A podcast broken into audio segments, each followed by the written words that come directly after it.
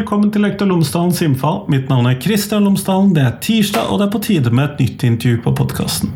Denne gangen så vender vi tilbake til skolefravær, ufrivillig skolefravær og skolevegring og disse temaene her. Og jeg snakker med Jonas Høygård Frydenlund på Universitetet i Agder om hvordan vi kan forstå skolefravær. Hvordan kan vi forstå fravær som filosofisk konsept? Hvilke årsaker finnes det til skolefravær, selvfølgelig, men også hvorfor, han, hvorfor sier han at, skole, at, fravær er en empty claim? Hva, hva, mener han med det?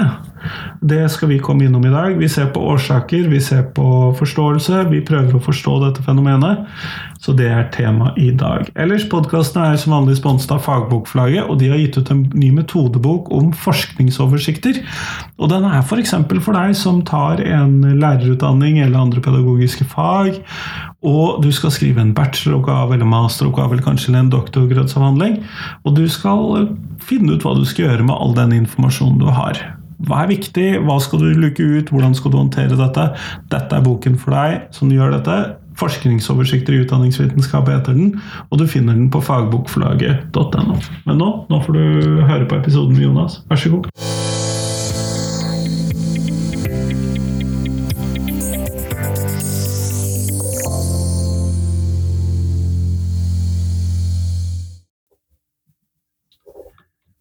Jonas Høygard Frydenlund, tusen takk for at du har tatt deg tid til meg i dag.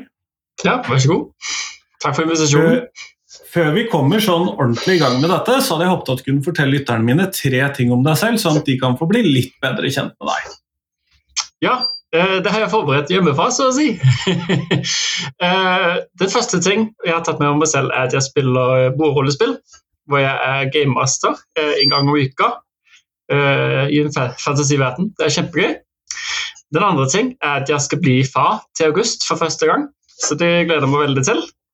Eh, og den siste ting er jo kanskje litt mer relevant for emnet. At jeg har foretatt en ph.d.-grad i Danmark, og at jeg har undersøkt fravær fra skolen eh, ut fra et etnografi, etnografisk studie på ett år på en skole med en rekke intervjuer med både lærere, foreldre og barn, selv og andre ansatte på skolen. Kjempeflott. Det høres ut som du er akkurat den rette for denne episoden her, med andre ord. ja, jeg håper det. Vi får se, i alle fall. Vi skal ta utgangspunkt i en uh, artikkel du har skrevet, hvor du beskriver uh, fravær, eller skolefravær, som en empty claim. Og da må vi jo nesten uh, starte Hvorfor mener du at dette er snakk om en empty claim, altså en tom, et tomt krav? En, tom, påstand? Ja. Uh, nei, du Jeg skrev denne artikkelen her etter at jeg hadde tatt Jeg hadde egentlig skrevet et langt review omkring fravær, og, og prøvd å lage noen, en undersøkelse hvor jeg spurte barn omkring hvorfor de liksom var fraværende. Eh, og Gjennom det her reviewet her så leser man seg jo selvfølgelig opp på hva er det egentlig folk sier omkring alt det her. Og jeg fant ut at eh, Alle sier liksom starter egentlig sin innledning. Eh, nesten alle artikler med å si at fravær er et svært problem, fordi at det fører til psykologiske sykdommer, det fører til kriminalitet, det fører til at du ikke får noe jobb i fremtiden. Altså en helt masse dårligdom, egentlig. Jeg blir veldig nysgjerrig på altså, Når man lager sånn review, så kikker man på okay, hvem siterer de da når de skal si disse tingene. Jeg fant egentlig ut at det var ikke noen sånn veldig klare studier på at dette liksom var tilfellet. Um, det, det, var liksom, det var litt, men, men, langt det meste var jo korrelasjoner og statistiske undersøkelser.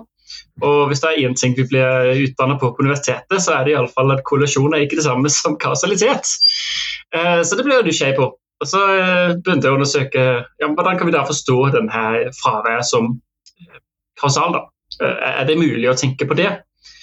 Og Gjennom det så, eh, så skrev jeg denne artikkelen om at, at, det kan vi faktisk ikke si at, at fraværet er. Eh, jeg vet ikke om jeg skal, Kanskje jeg skal si litt om hvordan jeg kommer fram til den konklusjonen? da? Ja, det tror jeg er lurt.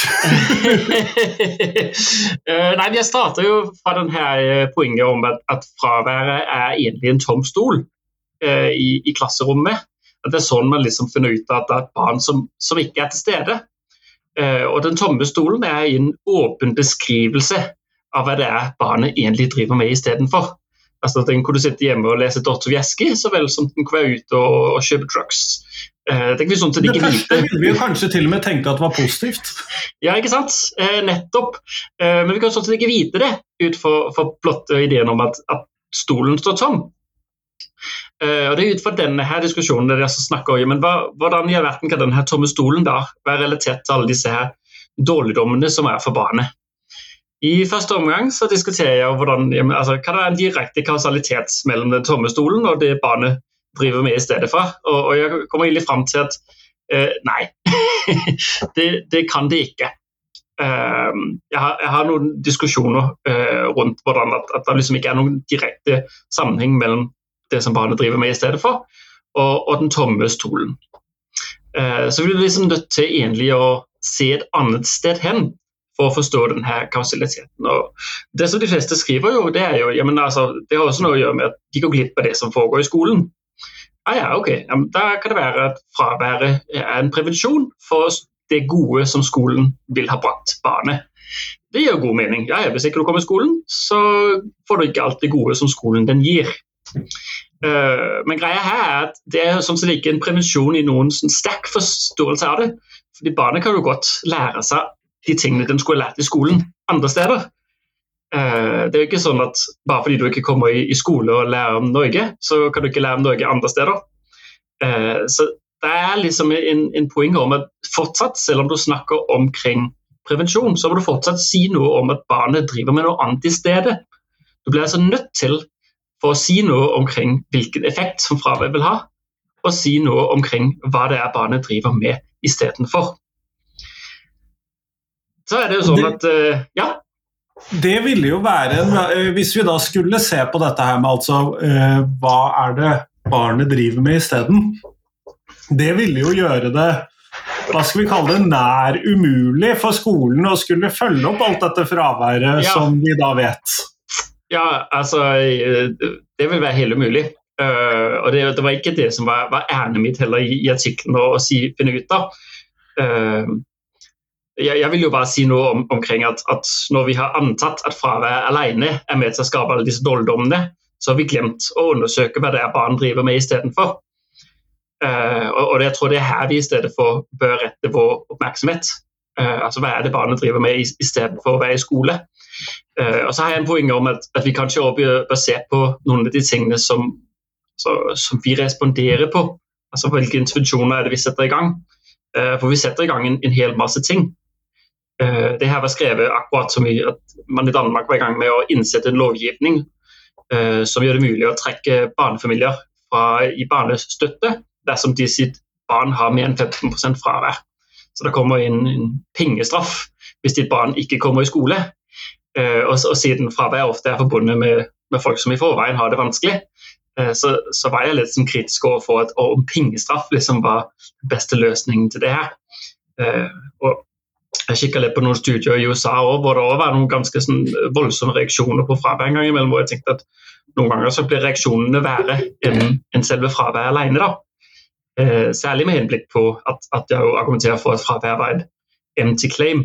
Men jeg tror nesten jeg vil, jeg vil vende litt tilbake til akkurat hvorfor det var tomt. Eh, fordi det at det er tomt, betyr at vi fyller det ut med våre egne tanker omkring det. Eh, fordi det som er det, er at eh, det barnet ville ha fått ut da jeg kom i skolen, det er ofte ikke noe vi egentlig kan vite. Noen barn kommer i skolen og sitter og stirrer ut av vinduet hele dagen. Noen barn kommer i skolen og blir mobba. Noen barn kommer i skolen og, og trives kjempegodt og, og, lærer massevis. Uh, men du kan sånn ikke vite det på forhånd før de rent faktisk kommer til skolen. Så Derfor så må du, altså det du forventer at de går glipp av, det er noe du tenker deg fram til. Det er liksom basert på dine egne antakelser om hva skolen er godt for. Samtidig, så eh, siden jeg jo argumenterer for at i langt de fleste tilfeller så har vi ikke verken tid eller peiling på hva barn driver med istedenfor, der bruker vi også våre egne antakelser om hva det er vi tenker de driver med.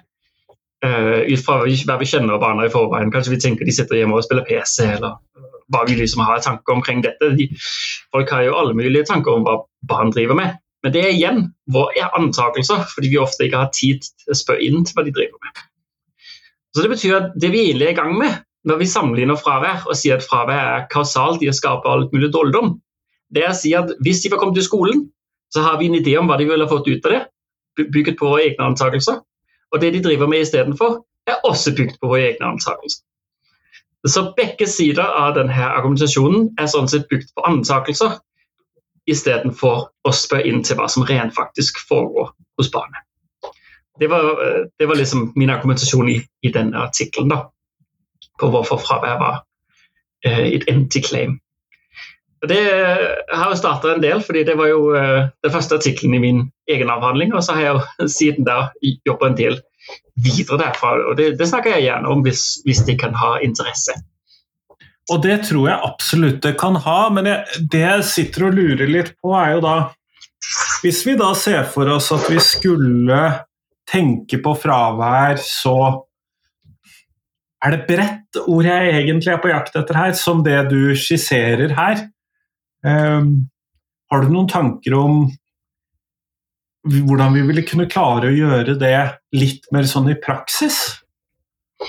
Eh, ja, altså eh, sånn helt lavkonkret så mener jeg jo at vi bør ha mer fokus på at fravær ikke er fravær. Eh, de fleste, det, det, er sånn en norsk vending om at har du møtt én person med fravær, så har du møtt én person med fravær. og, og alt er sånn sett uh, ulike situasjoner. Nettopp fordi at uh, det eneste vi vet som er fellesnevneren for alle disse, er jo at stolen står tom. Og, når man ser på disse sakene, så, viser det seg å være en enorm heterogen gruppe. da. og Det er også det noe av det forskningen som de elsker å si. da. det er et heterogent problem. Og, så har de en tendens, etter min mening, og også noen av mine kollegers mening til å, å samle de omkring et, et, par enkle kategorier for å forstå dette fraværet. Og det mener vi, vi da er også er å, å, å, redusere den kompleksiteten som er i emnet. Uh, selvfølgelig med, med, fordi man er interessert i å prøve å forstå og hjelpe disse barna. Uh, men, men, vi mener at, at, at, første møte bør rett og slett være å møte barnet der det er. I akkurat den livssituasjonen som, som de står i. Uh, for det, det er derfor vi må starte. Og jeg skjønner at det er jo enormt vanskelig, fordi de er der ikke. Det er det som er hele problemet. Eh, så, så, så, man kan også spørre seg noen ganger om at, at, liksom, at det forventer at læreren liksom skal gå hjem til barna og, snakke med dem og bruke en time dagen sin når de nå har 23 andre elever i klassen. Eh, det er det umulig tid til. Jeg har hatt det som arbeid å dra hjem til en elev tre ganger i uken, to timer hver gang, for å sørge for at den eleven kom seg gjennom eh, ungdomsskolen. Mm. Det var min jobb i en periode. Veldig gøy. Og det, der stiller man det over. Altså det, det, er jo en av de tingene som, som jeg mener er, er, en veldig fin løsning. Nettopp fordi det gir litt rom for at, at du fortsatt kan gjøre skole, selv om du ikke nødvendigvis er fysisk til stede. Eh, den tomme stolen har det med å, å gi en eh, altså, si, en, en, veldig form for fokus på fysisk tilstedeværelse. Uh, mens når man rent faktisk setter seg ned og snakker med lærere, så vet de fleste jo godt at det handler også om hva du driver med når du er i skolen. uh, har, når jeg snakker med lærere, har de ofte den joken liksom med at de er fysisk til stede, og det var det. og det har vi nok sagt de fleste av oss. ja, jeg har òg ofte sittet og, og, og, kanskje vært mest fysisk til stede, og, og mentalt i et annet sted. Men når du da har jobbet videre med fravær etter denne her eh, artikkelen, hva er det du da har sett på? Nei, altså I første omgang så det jeg har sett på, det var jo å finne ut om hvorfor i verden er det så vi er så opptatt av dette fraværet her. Hvis, at, hvis det ikke kan liksom forklares kun ut fra at det er kausalt dårlig, så må det kanskje være andre grunner også til hvorfor vi går så mye opp i det. Eh, og Da har jeg lagt en eh, analyse av eh, hvordan man historisk sett har sett på fravær i Danmark. Stand er for middelalderen. jeg skal ikke kjede podkasten med hele den danske skolehistorien, men jeg syns det er et par poenger som har vært veldig viktige for min tenkning rundt det emnet. Og den første er at Helt tilbake for middelalderen så handler skolen om at vi skulle rette barna. Eh, den gangen snakka man om at eh, de skulle lære den riktige lesning av Bibelen, sånn at eh, de kunne bli retta til sitt efterliv. og ikke ha alle de her hedenske troene som de sine foreldre noen ganger kunne ha, eller feil lesning av Bibelen, da, som skulle rette barna. Eh, det snakker vi fortsatt om i dag. Eh, vi snakker ikke om det i så bombastiske ord lenger. Vi snakker om at skolen skal være der for å sikre barna for en allsidig utvikling og lære å ta vare på seg selv og få en, en eller annen form for selvtillit og nysgjerrighet på livet. Eh, det er, det er det som jeg har valgt å kalle, etter en av mine informanter, at skolen er den rette vei til et godt liv. Og det er jo klart at Når skolen er den rette veien til godt liv, at så tenker vi at det er et problem når de ikke kommer inn i skolen. Uh, og, Det har jeg lagt uh, noen undersøkelser om, om, hva denne her tankegangen også gjør med å, å rettferdiggjøre noen tiltak som i noen tilfeller kan være, være dårlig for barn. Fordi du tenker, Det er jo klart du tenker at hvis skolen er den veien til et godt liv, så kan du gjøre noe som egentlig er litt dårlig for barn nå, og presse dem fordi det vil være enda verre hvis de ikke kom inn i skolen. Så, så det kommer sånn en rettferdiggjørelse fra at, at, skolen liksom er den eneste rette veien.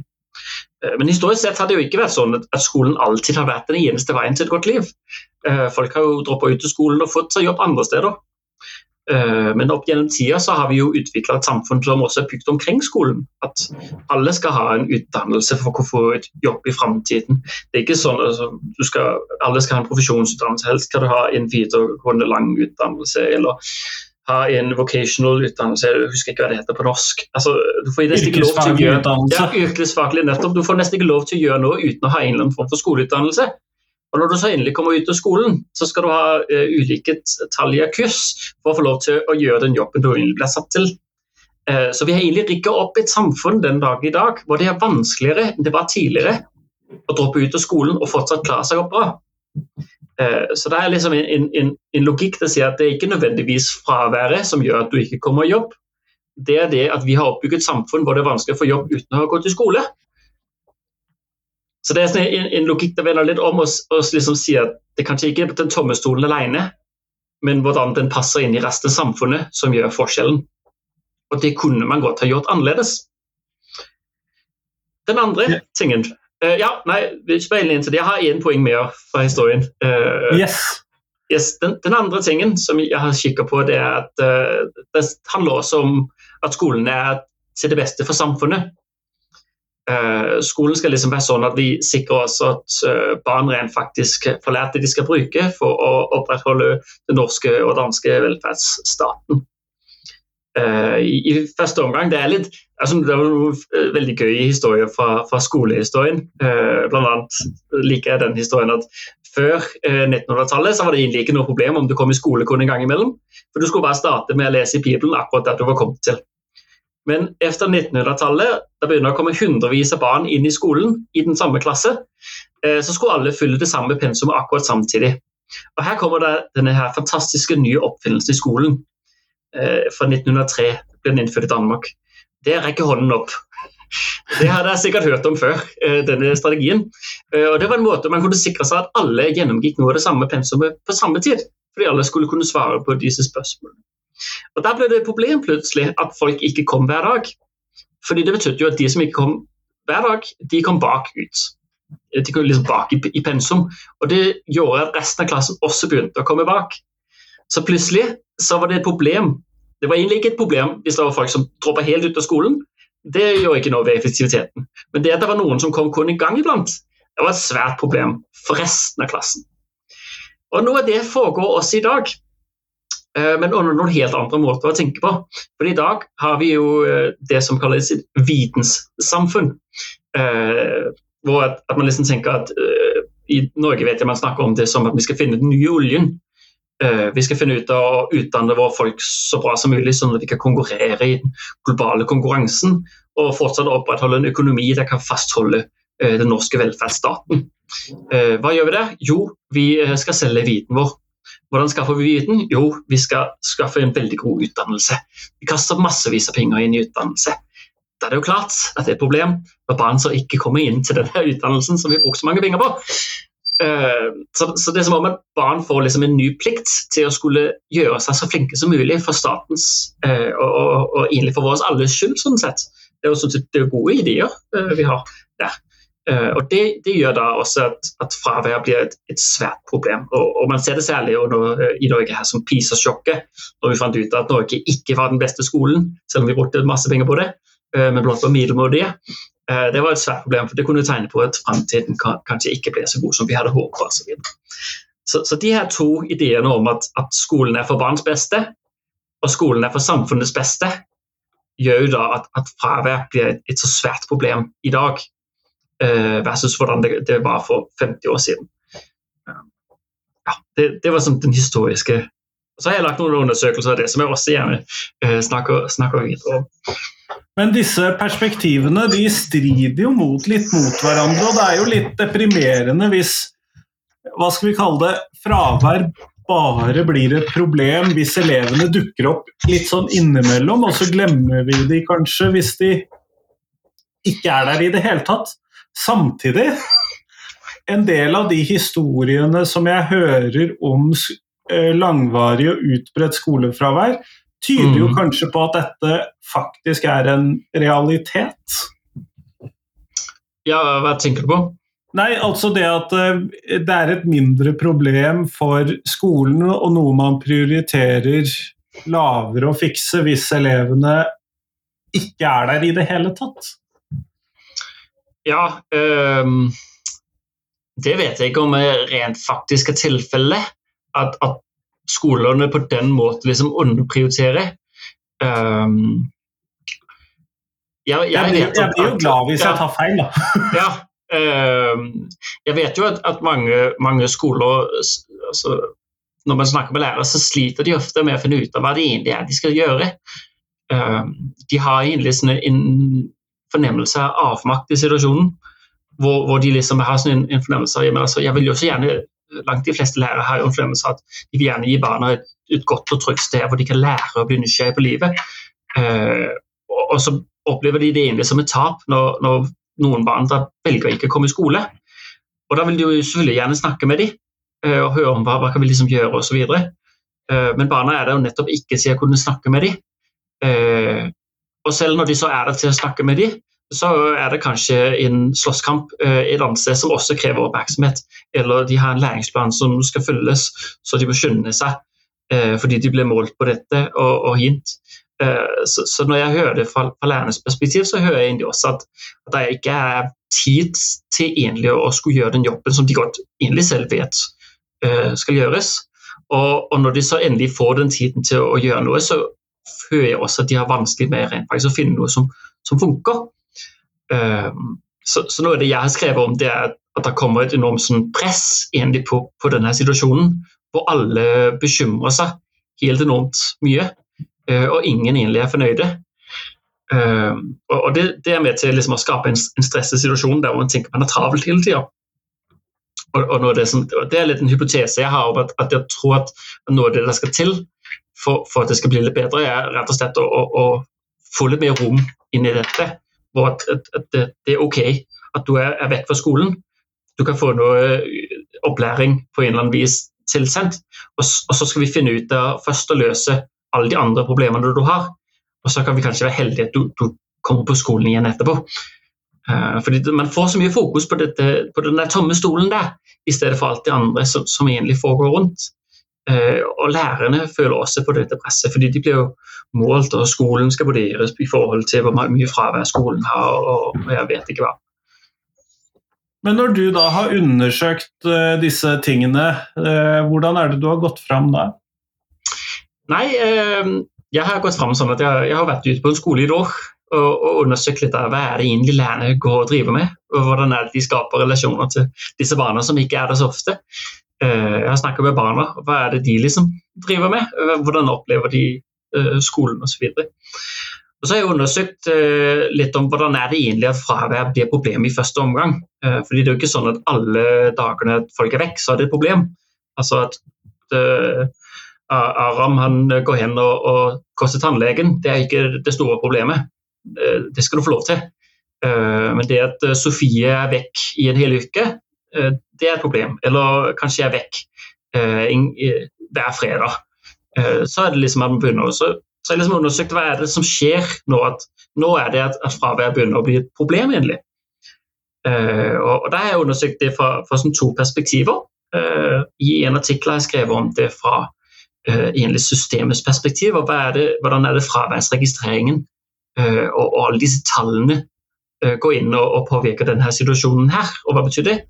Og I den andre har jeg kikket litt mer på hva er det for noen historier som begynner å danne seg omkring disse barna, og hvordan ender det liksom egentlig å gå i sur i stedet for å, å hjelpe. Uh, så der, der, ser jeg egentlig på hvordan lærerne går for å ha et ønske om å hjelpe, uh, men ender ut i, i å, å, ligge over ansvaret til, til, foreldre og barn selv, selv om de ikke egentlig hadde intensjonen om å gjøre det. Og jeg, jeg vet ikke om jeg skal bare ta de i rekkefølge, eller hva liksom gir mening. Rekkefølge er fint, altså. Jeg tror det er lurt. ja, den er god. Ja, i, i, det første studiet Uh, der undersøker jeg fravær. Og det som er, eller registreringene av fravær. Det som er litt spennende der, det er jo at det er ikke så lett å registrere fravær som man tenker. Uh, men man tenker jo ja, ja, så står man der om morgenen og ser hvilke tomme stoler som står tomme, og så var, så var det gjort. Og så er du ferdig med det. Uh, men det er ikke tilfellet. Fordi at Noen ganger så kommer folk jo for seint, og så skal du inn og endre i registreringen. Eller folk kommer og gir en unnskyldning Eh, sånn at du skal endre fra at det var uh, ulovlig fravær, til at det var lovlig fravær. Eller folk går kanskje i løpet av dagen, og du må inn og endre igjen og si at ah, kanskje de ikke var, var, til stede der likevel. Så kan barna begynne å komme liksom og, og, klage over ja, men jeg var faktisk til stede, jeg satt på biblioteket, jeg hadde fått lov av den og den læreren. Og Det er jo ikke sånn at det er den samme læreren de har hele dagen heller. Det er jo skiftende. Det er jo ikke sikkert at det er den læreren som registrerte fraværet på morgenen, som er den som har de senere på dagen. Og skal de da begynne å holde øye med å gå inn på fraværsregistrering hele tida for å holde øye med om alle fortsatt er der? Um, så det går dels små finurligheter inn i rent faktisk å finne ut der om man skal registrere barn på den ene eller den andre visen. Uh, og, og Det går masse forhandlinger inn i, og det går masse små vurderinger inn i det. Men alle disse vurderingene som lærerne gjør, som de gjør på bakgrunn av hva de liksom tenker er sitt formål, nemlig at barna skal lære noe og de skal holde relasjoner til, lærerne, eh, til elevene, de forsvinner i registreringen. I registreringen står det jo bare 'lovlig fravær', 'ulovlig fravær', 'syk', 'for seint'. Det er liksom That's it. Eh, så alle de her små historiene om hva det egentlig er som fravær handler om, ble fjerna fra uh, historien. Og Så de, eh, kommer de inn i et system der de blir satt sammen og talt opp. Og så får man plutselig mange av de her som hver især var unike situasjoner, som ble talt opp en, som om det skulle være én situasjon. Og Da er det ofte at det egentlig er noen andre enn lærerne selv som skal sitte og se på disse her eh, tallene her for å finne ut av hvem er det egentlig som kanskje har et problem. Og det var det i hvert fall på den skolen hvor jeg var. Der var det skolelederen og pedagogen der satt med disse tallene og skulle finne ut av. Og det som skjedde da, det var jo, ja, De satt med noen tall, og de visste jo ikke hva de betydde. bare sånn umiddelbart. Eh, de måtte jo bli nødt til å tolke på disse tallene for å finne ut av hva som skjedde. Og Der brukte de kontekster eller forståelser som var ganske fjerna fra det, det som barna liksom sier. Fordi de, de, var liksom sånn ja, det, Fravær kommer rett i rapp, da er det nok sykdom. Ja, fravær kommer hver eneste måned, da er det kanskje skulk som det er snakk om. Eller ja, ja, men den, den, barna vet vi at de hadde en bror som også hadde masse fra deg. Det kan være det er noe det samme som er på spill. Vi må heller snakke med de òg. Så man begynner sånn å dikte egentlig på noen historier uh, uten at barna eller foreldrene egentlig har mulighet for å si nei. Nå er det i gang med å tolke oss feil. Uh, og Det samme er egentlig tilfellet også når læreren liksom er i gang med å, å, registrere i første omgang. fordi hele Poenget er jo at barna ikke er der.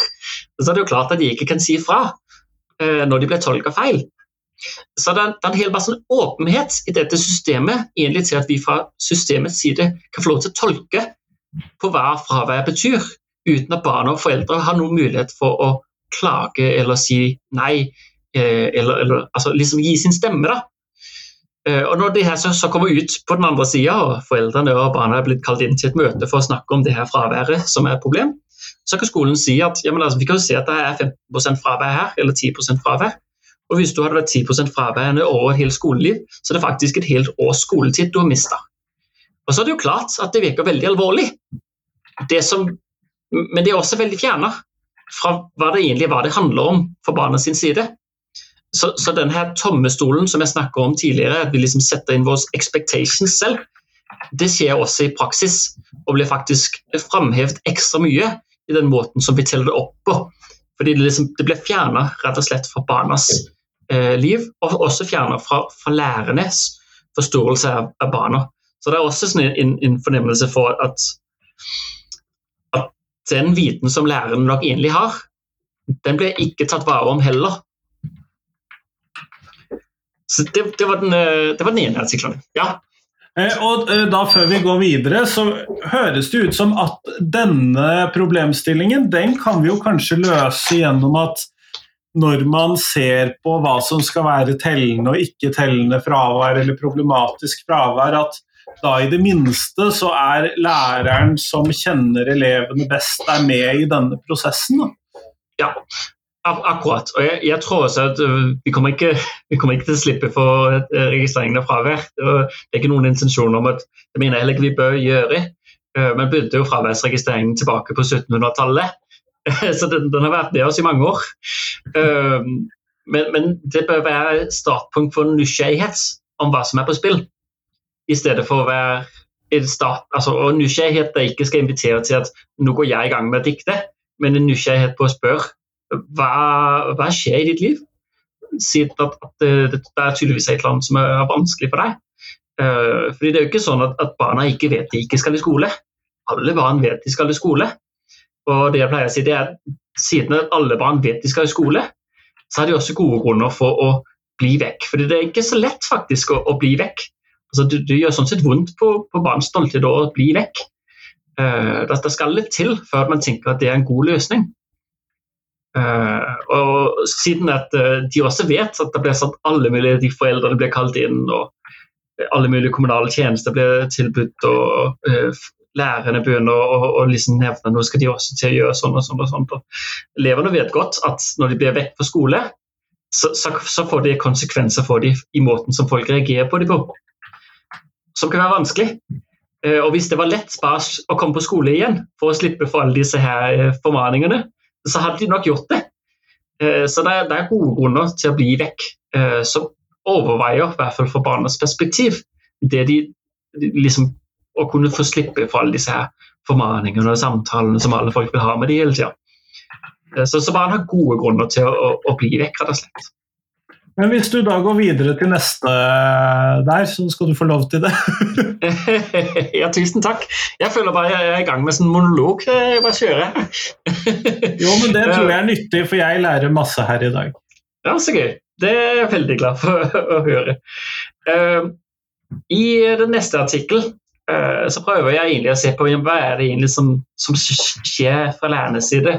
Altså hvordan, hvordan opplever de det, hvilken praksis er det, er det rundt omkring dette. Og, og, de lærerne som jeg snakka med, var veldig sånn opptatt av at vi skal snakke, med, skal snakke med barna og finne ut av hva er det egentlig som er, er på spill i de sitt liv, og, og hjelpe dem. Eh, de var jo også interessert i å, å hjelpe barna. Eh, kanskje ikke så rart. Eh, det er jo det de er ansatt til. så, og, og, de er jo også mennesker som går opp i, i barns utvikling osv. Så, videre. så Så de, de, var veldig opptatt av at, at barna skulle bli hørt og, og skulle bli hjulpet. Det er jo en grunn til at man har blitt lærer. Ikke sant. Nettopp. Eh, og barna er blant annet en av grunnene.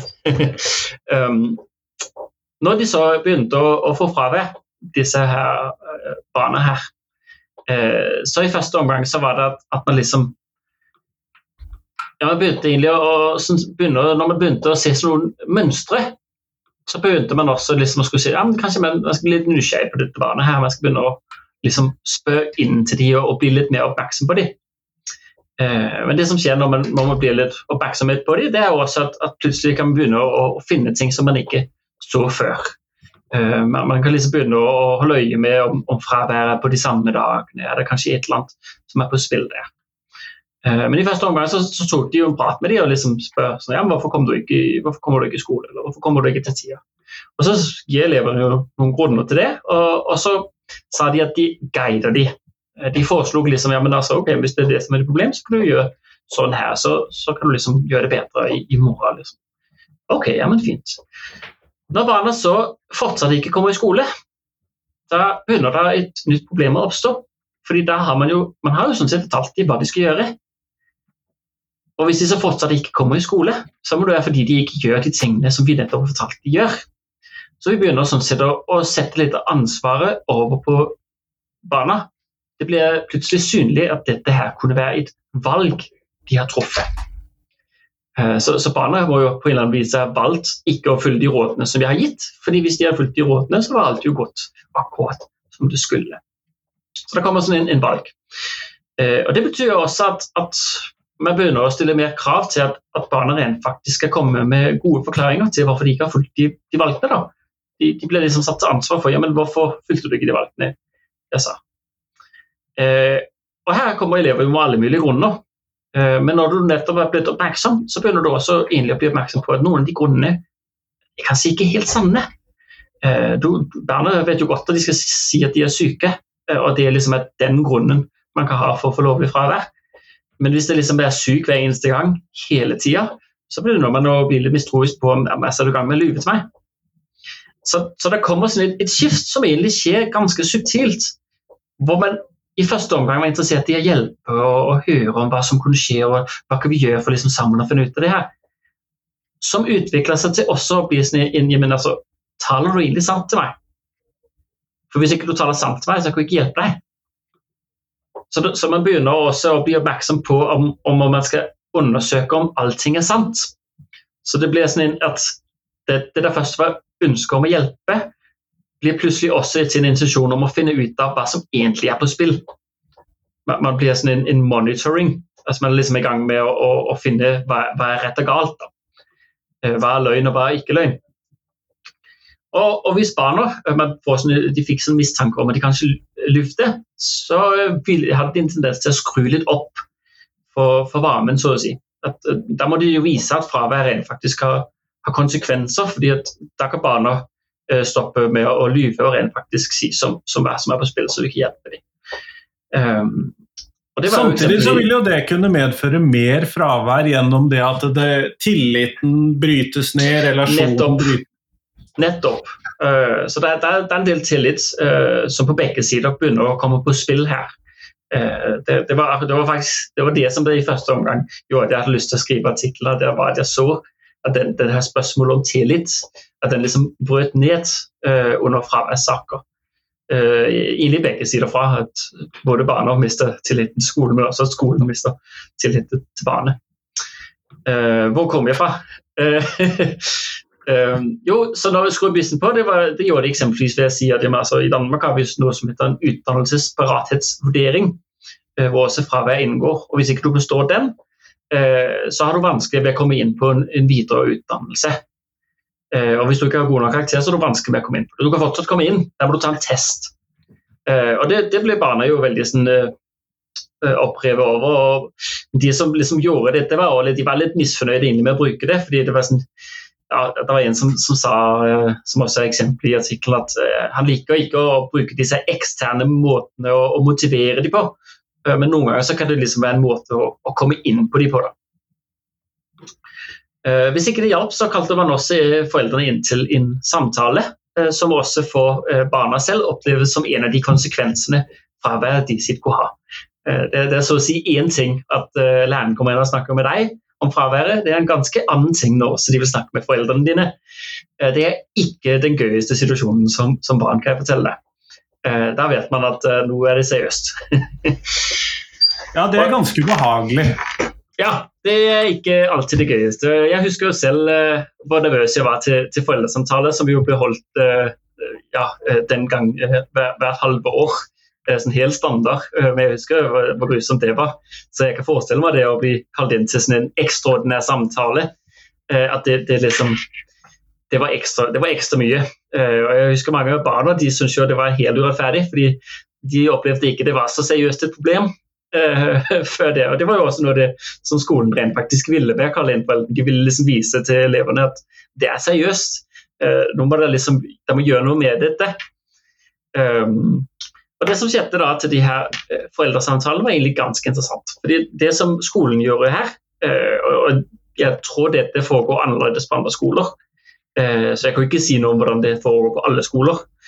Men her var det i hvert fall sånn at man, man starter med å prøve å skape en allianse mellom skolen og foreldrene, hvor man hadde en, en form for sin felles perspektiv på at det var viktig at man kom i skolen. Så var det jo selvfølgelig sånn at, at Noen ganger så vil foreldrene jo, jo si at sånn, jamen, altså, hvis han er syk, så er han syk, og så holder vi ham hjemme. Eh, og, og, Det var jo klart, og det, det sa skolen at det, selvfølgelig skal du liksom bli hjemme.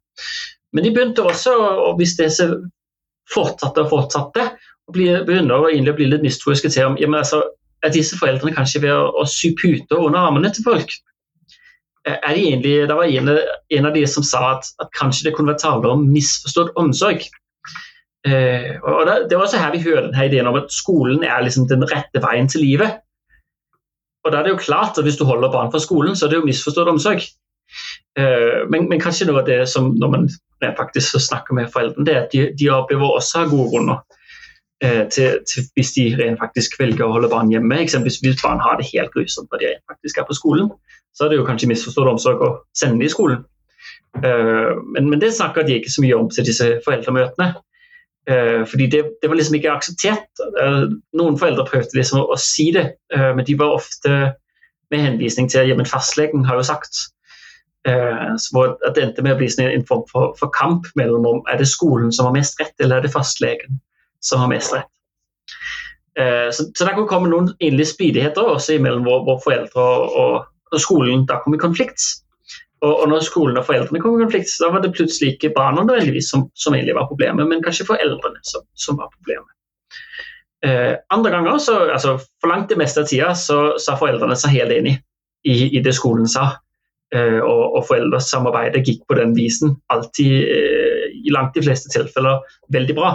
Men det gikk jo alltid veldig bra på skolens premisser om at skolen var det viktigste og riktigste, fordi, og foreldrene sa seg inn i det. Um, når noen foreldrene så ikke visste at, at barna liksom var, var fraværende, uh, så hadde vi et helt annet problem. For så var det tale om skulk. Uh, på den skolen jeg var på, uh, det var spesielt, det var ikke så mye snakk om, om skolevegring. Det var som om at, at den logikken ikke helt hadde kommet til skolen ennå. Det her var i tilbake i 2018, så det var sånn litt up and coming i Danmark på dette tidspunktet. Det var ikke helt kommet ut overalt. Uh, men i hvert fall når, når det var snakk om, om, skulk, så var det et annet problem. Da, da tok ganske sånn hårde metoder i, i, spill for å få barna til liksom å innse at det var de som skulle gjøre noe. Og Jeg husker fortsatt at de liksom satte disse samtalene og, og spurte barna sånn Hvem er det som går på skolen? Og barnet skulle så svare det er meg. Uh, er det din mor som går på skolen? Nei, det er meg som går på skolen.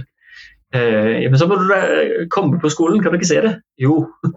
Det må føles veldig meningsløst både å stille de spørsmålene og svare på de spørsmålene. Ja.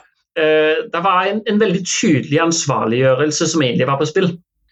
Og, og, og, jo mer pressa denne situasjonen ble, jo mer tydelig ble det at, at det egentlig var barnets ansvar eh, i samarbeid med foreldrene. At at barna skulle komme på skolen. Eh, og, og, skolen hadde gode grunner til det. som og, Alminneligvis det er jo noe det som ofte kommer opp i, i kritikken nå til dags i litteraturen, at skolemiljøet har også en del å si for, for fravær. og Det er skolene som også skal ha noe ansvar for å gjøre noe. Eh, men denne skolen klarte seg ganske bra eh, i, i, diverse målinger. Eh, og Derfor mente de ikke at, at det liksom var, var tilfellet her. Um, ja, men, men det, det, kom i hvert fall denne, denne ansvarliggjørelsen var veldig veldig tydelig. Og, og den tror jeg også at, at den, kan være, den, den, kan foregå ganske så subtilt eh, omkring. og Det, kan være vanskelig som, som skole å, å, se at du egentlig driver med det. For det virker så, så naturlig. at, at selvfølgelig det, altså, Vi kan jo ikke gå hjem til barna og hente dem hele tida. Eh, det kan ikke være vårt ansvar at, de skal komme seg til skolen. Eh, det virker ganske så, så naturlig å, tenke sånt. Eh, men det gjør da at, at, disse barna endte med å få ansvaret for å skulle komme i skole. Og at dette ble framvist som et valg de kunne treffe og skulle gjøre. Og et eller annet sted så er det jo ikke et valg, altså det, er jo, det er jo skoleplikt. Når først du er satt opp, så må du jo møte opp. Og Det er også her hvor jeg mener at det kanskje er en av de At de opplevde så mye press for skolen fra samfunnssida og ideen om at skolen er det beste at, at man liksom følte seg pressa inn i å skulle presse. Uh, så jeg tror det er veldig viktig liksom, å, å, si at, at, det her ikke liksom, det her lærere som rent faktisk går opp i barnas uh, beste.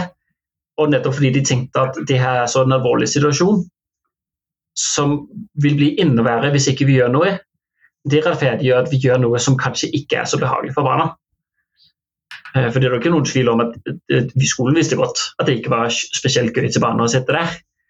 Men de tenkte at hvis ikke vi gjør det, så blir det enda verre for barna. Det er jo en ganske krevende situasjon å stå i, både for skolen, men ikke minst for disse elevene. Det er jo et åpent spørsmål om dette er til elevenes beste. Absolutt, og det er, jo, det er nok ikke så subtilt at ikke jeg mener det. Eh, det, det, føler jeg ganske tydelig, men, men, noe av det som jeg liksom peker på i, i mitt, det er at det er ikke skolen som egentlig er nødvendigvis problemet, men noen av de rammebetingelser som skolen jobber under også. Eh, som presser lærere og ansatte på skolen ut i situasjoner som de godt selv egentlig ikke ønsker å stå i.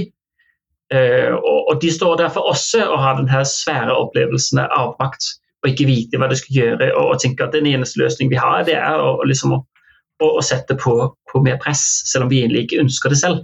Altså, det var ikke noen som, som ønska det. Jeg husker jeg spurte liksom en av disse her pedagogene og så, altså, kan fravær noen ganger være det riktige valget. Uh, og han sa liksom sånn nei, altså, det kan aldri være det riktige valget. Men han kunne godt se at det noen ganger være det eneste valget som var tilgjengelig. Og jeg synes det, det, er noe spennende i, i, liksom, i det. At, at, liksom, at, at, det ikke er noen mulighet for at man fra, fra, fra skolens side kan innse at fravær kanskje kan være det riktige valget noen ganger. Eller, eller, i hvert fall hvis det er det eneste valget, kanskje vi skal gjøre det mulig at det kan også være det riktige. Eh, og finne noen løsninger der eh, hvor vi liksom kan løse de andre problemene som foregår i barns liv. Eller gi dem skole på andre tidspunkter.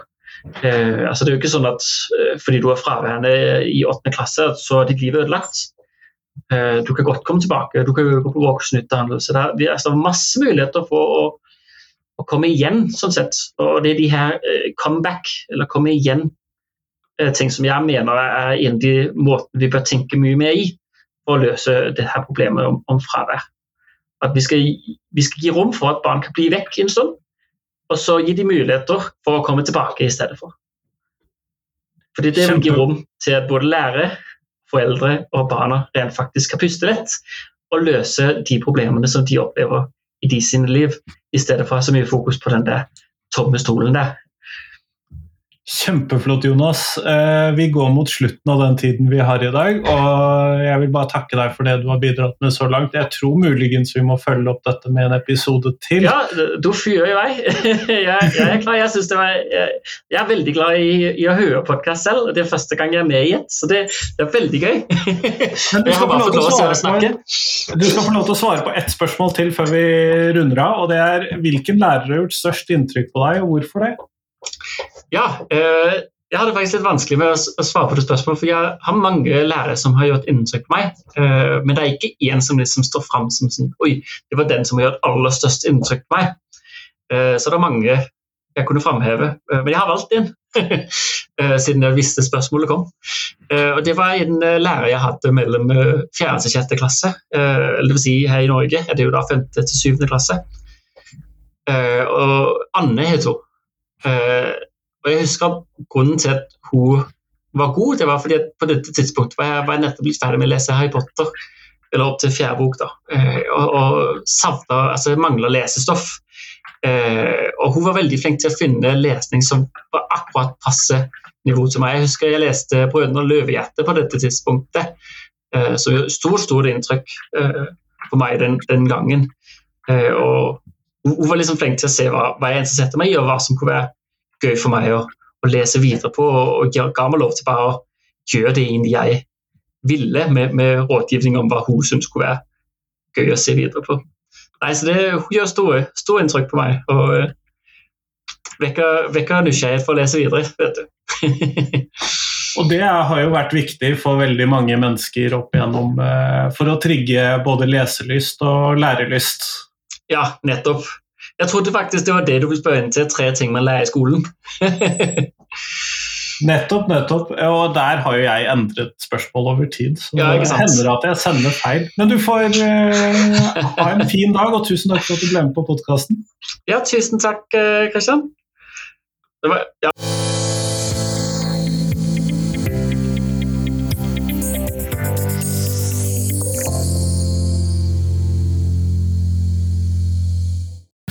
Tusen takk til Jonas, og tusen takk til deg som hørte på. Nå er det faktisk en uke igjen til neste nye episode. Eh, nå har jeg ikke planlagt noen flere fredagsepisoder på en stund, men du vil få en eh, repriseepisode, heter det. Det slet jeg med å komme på allerede på fredag, og så vil du få en ny reprise neste fredag og en ny reprise neste fredag deretter. Men det vil da være nye episoder hver tirsdag. Så vi går tilbake til én episode i uken. Det er jo egentlig meningen at jeg skal gjøre det, men det ser jeg ikke ut til å ha klart i år. Det har vært for mye spennende som har skjedd. Og da klarer jeg ikke å unngå å lage to episoder i uken. Men jeg håper at du kan sende meg tips til høsten. Jeg håper at det blir en minst like spennende høst som alltid. Men jeg håper at det blir en høst hvor vi klarer å finne ut hvordan vi skal gjøre det med ny opplæringslov, bl.a. Men nå, nå får du ha en fin helg. Hei, hei. Uke heter det faktisk. Litt tidlig, dette her.